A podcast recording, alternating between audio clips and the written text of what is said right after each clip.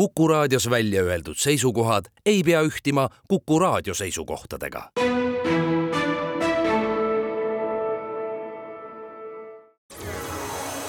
loodusajakiri, vaata ka looduseajakiri.ee. tere kõigile ja head reede õhtu jätku. täna saates külas Peep Männil Keskkonnaagentuurist, tervist! tervist! mina olen saatejuht Tiia Rööp ajakirja Eesti Loodus jaanuari-veebruari numbris kirjutab Martin Tikk artiklisarjas Tegutse teadlikult nuhtlusisenditest. ning selleks, et seda lugu kirja panna, rääkis Martin mitme loodust ja loomi hästi tundva inimesega, üks nendest inimestest on tänane saatekülaline Peep Männil. kui metsloom või ka lind häirib inimesi ja ta teeb seda korduvalt, kas ta siis on kohe automaatselt nuhtlusisend, sellepärast et ilusal kevadisel ajal suve hakul võib ka naabri aias ennast unustanult laksutav ööbik mõne hapra unega inimese jaoks olla täielik nuhtlus. kas see ööbik siis on kohe automaatselt nuhtlusisend? nojah, ega ju seda väljendit või seda teatud puhul võib-olla tõesti saab võtta. ja see mutt, kes ajab mullahunnikuid üles, et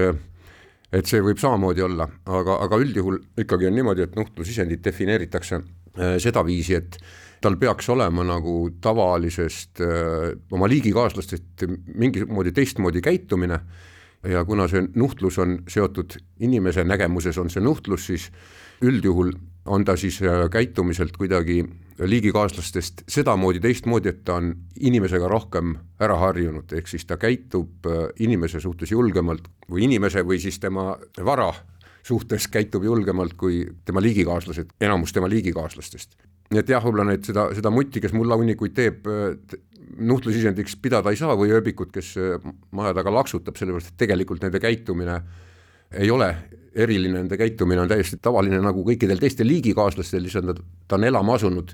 inimese lähedusse. aga jah, et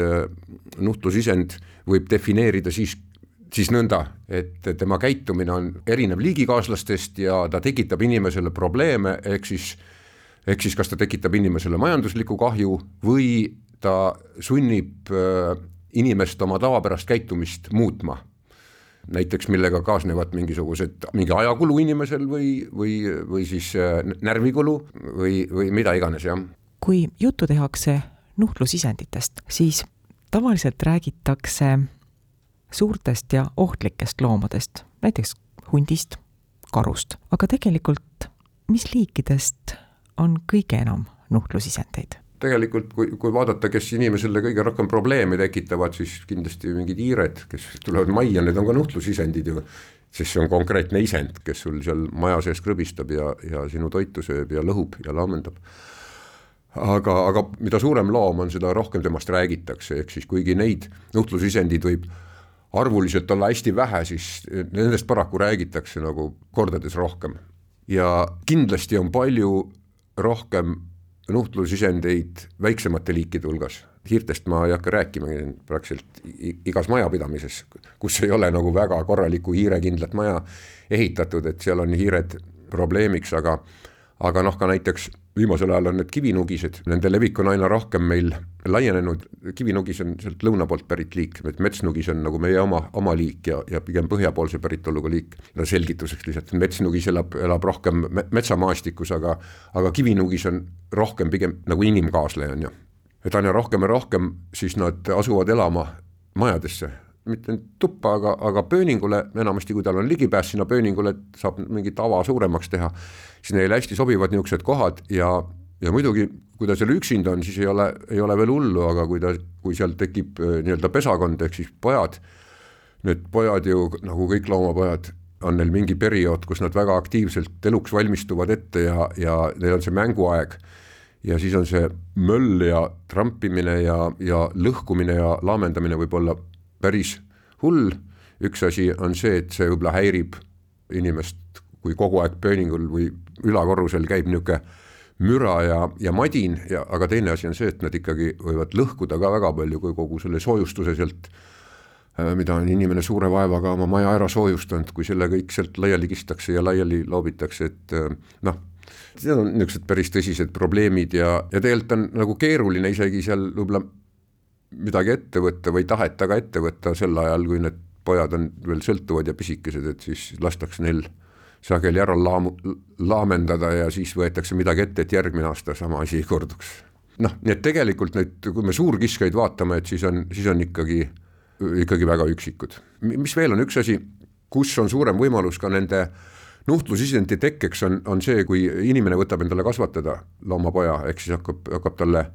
emaks nii-öelda see on seadusega keelatud, aga teatud puhkudel antakse eriluba selleks, Keskkonnaamet annab eriloa, või siis tehakse seda illegaalselt. ja vot sellisel puhul, kui lõpuks need niisugused kodus peetud loomad, neid ei taheta enam, see on natuke analoogne nende koduloomadega, et mõned ei taha enam teatud hetkel enam oma lemmiklooma, viiakse ta metsa ja, ja tegelikult ta seostab kogu oma elu inimesega ja ta tuleb kedagi kedagi teist siis tõsiselt häirima. inimesed teevad loomadele etteheiteid, aga kas sageli võib olla ka põhjus see, et me teadmatusest või lihtsalt no inimlik omadus, laiskusest, jätame midagi sellist ripakile, mis on looma jaoks väga ahvatlev toit ja nii me tõesti teadmatusest ja võib-olla ka laiskusest koolitame ühe täitsa asjaliku ja muidu teistmoodi käituva metslooma nuhtlusisendiks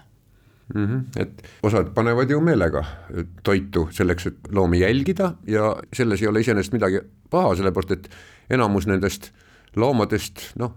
kõige tavalisem on talvine lindude toitmine, on ju, et ega nendest ei saagi kunagi mingit probleemi tekkida, on ju, aga niisuguse toidu panekuga võib seal hakata käima söömas ka mingisugune liik, kes ei ole sihtliik, kellele sa ei taha süüa anda. või teine võimalus on see, et, et sa jätad jäätmed mingid niisugused energiarikkad jäätmed maja taha ja seal hakkab käima keegi loom, kes lõpuks võib muutuda nii-öelda nagu nuhtlusisendiks. kui ta ei taha, et seda juhtuks, et siis ei tohiks kindlasti seda toitu niimoodi anda, no e-, eriti jällegi puudutab see ikkagi nagu suuremaid loomi, kes võivad muutuda nii-öelda probleemseteks, et, et vaevalt, et see rebane ja nugis, et nemad kardavad ikka ja, ja isegi kui see rebane väga julgeks läheb ja, ja juba talle saab toidupalakest seal kahe meetri pealt visata, et et tegelikult seda ei saa ju võtta veel nuhtlusisendina, ega ta ei tee teile mitte midagi halba, on ju, ta on lihtsalt äh, julge, aga muidugi see on suurem tõenäosus, et ta siis, siis ikkagi hukka saab kiiremini, sellepärast et ta ei käitu ainult teiega niimoodi, vaid ka teistega ja ta kardab ka kõike inimestega seonduvat vähem ja, ja mõni teine inimene kardab seda rebast ja arvab, et on marutõbine ja, ja hukkab ta kuidagi kui ta laseb ennast nii lähedalt hukata, nii et, et selles mõttes on see, võib see ka karuteene olla, see söötmine sellesama isendi jaoks, et et mis ühe jaoks on tore, see teise jaoks võib olla hirmutav, on ju. tegelikult on samamoodi ka huntide treenimisega, et, et kui noori hunte seal kuskil karjakasvataja jätab nii-öelda need loomsed jäätmed, mis tekivad, neid paratamatult tekib, kuskile sinna aianurka, et seal hakkavad käima väiksed kiskjad, suuremad kiskjad, karud, et nad kõik on, kui hundid, noored hundid on kindlasti niisugused, kes raipest üldse ära ei ütle. ja niimoodi sa harjutad tasapisi neid seal söömas käima ja siis, kui seal mõnikord ei ole enam seda, seda lambakorjust või lambapead seal maas, siis, siis aga samas eemal on lambad, siis ta läheb vaatama sinna, et kas seal on midagi ja siis ta lõpuks võtab selle ära ja isegi kui te siis ajate oma lambad lauta, siis tal on juba, juba on tal niisugused seosed tekkinud selle lambaga, sellel isendil, et, et siis ta läheb naabri juurde ja püüab sealt aia vahelt kuskilt läbi pugeda või või isegi on ju juhtumeid olnud, kus mõni hunt äh, ronib ka lauta sisse täiesti, et noh, see peab olema selgelt nagu väga palju positiivseid kogemusi saanud niisugusest, niisugusest kohast ja ei midagi negatiivsest, kui ta nagu päris, päris lauta või siis kuskilt aia vahelt sisse ronib, et et äh, selle tõttu tuleks tähelepanelik olla jah, et, äh, et kui niisugused mingisugused ilmingud tekivad mingi isendi puhul, et ta hakkab nagu sõltuma mingist äh, inimese antavast toidulauast ja tegemist on sellise liigiga, kes võib potentsiaalselt kujuneda siis nuhtlusisendiks või ka ohuks inimesele endale, et, et siis tuleb see likvideerida, see nii-öelda äh,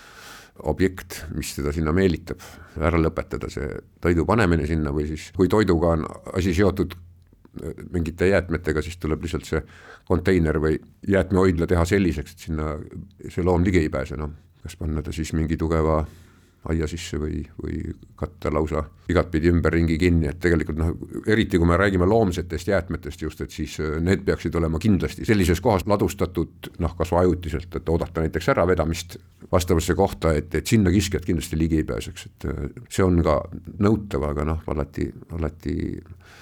alati kõigil ei ole seda ja siis minnakse lihtsama vastupanuteed, viiakse sinna kuskile eemale võssa. Jah, et sellega me õpetame neid ja kasvatame neid selliseid potentsiaalseid nuhtlusisendeid ja kus võib-olla noorest peast juba võivad saada nagu häid kogemusi, on see, kui, kui näiteks selle kiskja, olgu ta siis karu või, või olgu ta hunt, kui tema vanemad juba hakkavad koos nüüd oma poegadega käima seal ja nii-öelda nemad juba õpetavad oma poegi, et, et see on ohutu koht, inimene on ohutu, sealt saab hästi süüa, lihtsalt on ju, et siis, siis, siis on väga suur tõenäosus, et nendest järglastest tulevad ka vähemalt, vähemalt neil on potentsiaali saada ka niisugustest nuhtlusisenditeks, aga jah, niisugune, niisugune negatiivsed kogemused oleks nagu siis väga vajalikud. Ükskõik kuidas ma ütlen, kõige, kõige klassikalisem on ikkagi niisugune elektrilöök siis elektrikarjuse pärast, et, et see, see on väga efektiivne. aga, aga tõesti, kui näiteks samas võtame jälle hundi, et kui kuskil piirkonnas mingi hunt või hundipaar või keegi